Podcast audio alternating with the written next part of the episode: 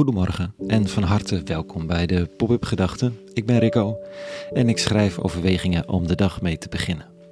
Vandaag met de titel De onrust van het ongewone. Pop-up Gedachten woensdag 15 februari 2023.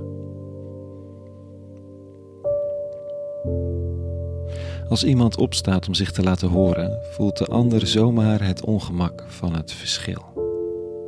Als de ander gaat staan, ben jij opeens degene die pontificaal blijft zitten. Terwijl je helemaal niet van plan was om een statement te maken. Je zat gewoon, totdat iemand opstond. Toen was het niet meer gewoon om te zitten, maar was het opeens een keuze. Een keuze waar je zelf niet voor hebt gekozen. Hmm. Dat roept zomaar wrevel op. Er komen zo wat discussies langs over de blokkade van de A12 door Extinction Rebellion onlangs. Een foto van een soort avondmaal aan het begin van die actie deed bij sommige gelovigen de gemoederen hoog oplopen. Alsof de ware christen de snelweg blokkeert en de rest zich nog moet bekeren. Uh, nou, verdedigde een actievoerder zich, dat is niet wat we beweren. Ja, zegt de toeschouwer, maar zo voelt het wel. Er worden nog net geen excuses gevraagd van de activisten voor het ongemakkelijke gevoel dat ze geven aan degenen die niet meedoen. Goed, er zal heus een harde activist tussen zitten die iedereen de maat neemt, maar de meeste die ik ken staan eruit gewetensnood, persoonlijke gewetensnood, een gevoelde opdracht en met een heleboel nuance. In het besef dat er heel veel manieren zijn om je te verzetten tegen het kapotmaken van de planeet. Het ongewone maakt onrustig. En dat is niet nieuw. Als Jezus van Nazareth mensen geneest, eh, vrij ongewoon en vrij ongemakkelijk, moet ik zeggen, dan drukt hij de genezen mens iets op het hart. Vandaag over een blinde man. Daarna legde hij nog eens de handen op zijn ogen. Nu zag de man scherp en was zo volkomen genezen dat hij alles duidelijk zag. Jezus stuurde hem naar huis met de waarschuwing: ga zelfs het dorp niet in. Het ongewone heeft risico's bij zich. Hoe helend en goed de verandering ook is, hoezeer mensen het ook eens kunnen zijn met de zaak of de inhoud belangrijk kunnen vinden, toch is het ongewone bedreigend. En uit bedreiging ontstaat argwaan. En uit argwaan ontstaat verzet. Argwaan is een zelfbevestigend fenomeen.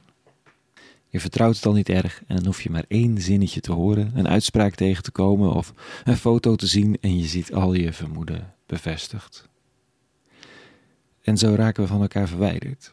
Waarop er altijd mensen zijn die aan degene die opstaan verwijten dat ze voor de verwijdering hebben gezorgd. Ga zelfs het dorp niet in, zegt de rabbi. Als blinde kon hij zich vrij tussen de mensen begeven, vrij, maar beperkt, afhankelijk ook. Nu kan hij zich niet meer vrij tussen de mensen begeven. Zijn zicht is onbeperkt, maar zijn nieuwe staat van zijn gaat gegarandeerd onrust geven. En dat vereist voorzichtigheid. Is het niet voor hemzelf, dan toch zeker ook voor Jezus van Nazareth, de genezer. Want het ongemak van het ongewone richt zich uiteindelijk niet alleen op de genezene, maar uiteindelijk ook op de veroorzaker. Wat moet ik daarmee? Nou, allereerst besef dat dit het patroon is. Het ongewone wordt breed verslagen in de media, daar kun je van uitgaan. Zij brengen niet vanzelfsprekend nuance aan, dat moet je zelf doen, in jezelf. En het ongewone brengt onrust, sowieso. Goed om te weten. Oh, en dan is er nog mijn eigen proces. Als ik het ongewone tegenkom en er onrustig van word. Wat staat me dan te doen? Het lukt niet altijd, maar een gouden regel die ik mezelf voorhoud is die van de verbinding. Als ik weet dat mijn eigen argwaan zichzelf bevestigt, is er maar één echte remedie. En dat is contact zoeken. Met een genezen blinde. Met een man van Nazareth. Met een klimaatactivist, met een boer. Dat gesprekje met een boer uit de familie was echt helend. Niet om het eens te worden, maar wel om te voorkomen dat er gescheiden werelden ontstaan in mijn hoofd, in mijn hart. Er is maar één wereld. En daar hebben we samen iets in te doen. Tot zover vandaag. een hele goede woensdag gewenst en vrede.